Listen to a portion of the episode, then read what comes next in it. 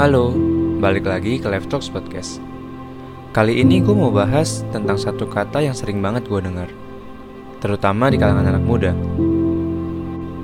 Yaps, insecurity.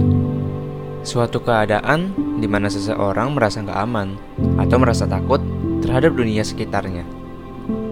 Kondisi ini bisa dibilang cukup berbahaya karena banyak gitu dampak buruknya. Bahkan bisa membuat orang menjadi depresi dan stres. Perasaan insecure ini nggak muncul tiba-tiba.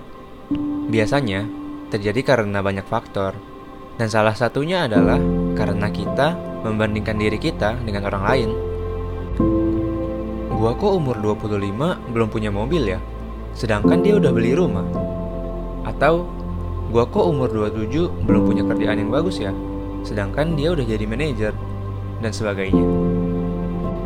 Hal-hal ini membuat kita jadi semakin merasa takut, merasa bahwa kita orang yang gagal. Akhirnya kita nggak percaya diri dan lupa gitu untuk bersyukur dengan apa yang kita punya.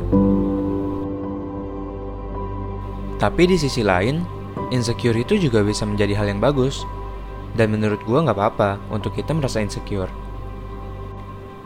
Karena dari perasaan insecure itu bisa mendorong kita untuk terus berusaha menjadi lebih baik.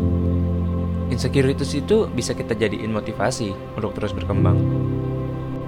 Tapi yang terpenting, jangan sampai insecurities ini membuat kita lupa diri dan lupa untuk bersyukur dengan keadaan kita saat ini. Intinya, insecure ini bisa menjadi hal yang buruk atau baik, tergantung dari diri kita sendiri, tergantung bagaimana kita menyikapinya.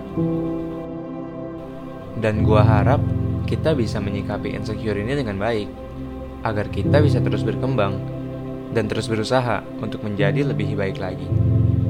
Sekian untuk podcast kali ini. See you on the next talks.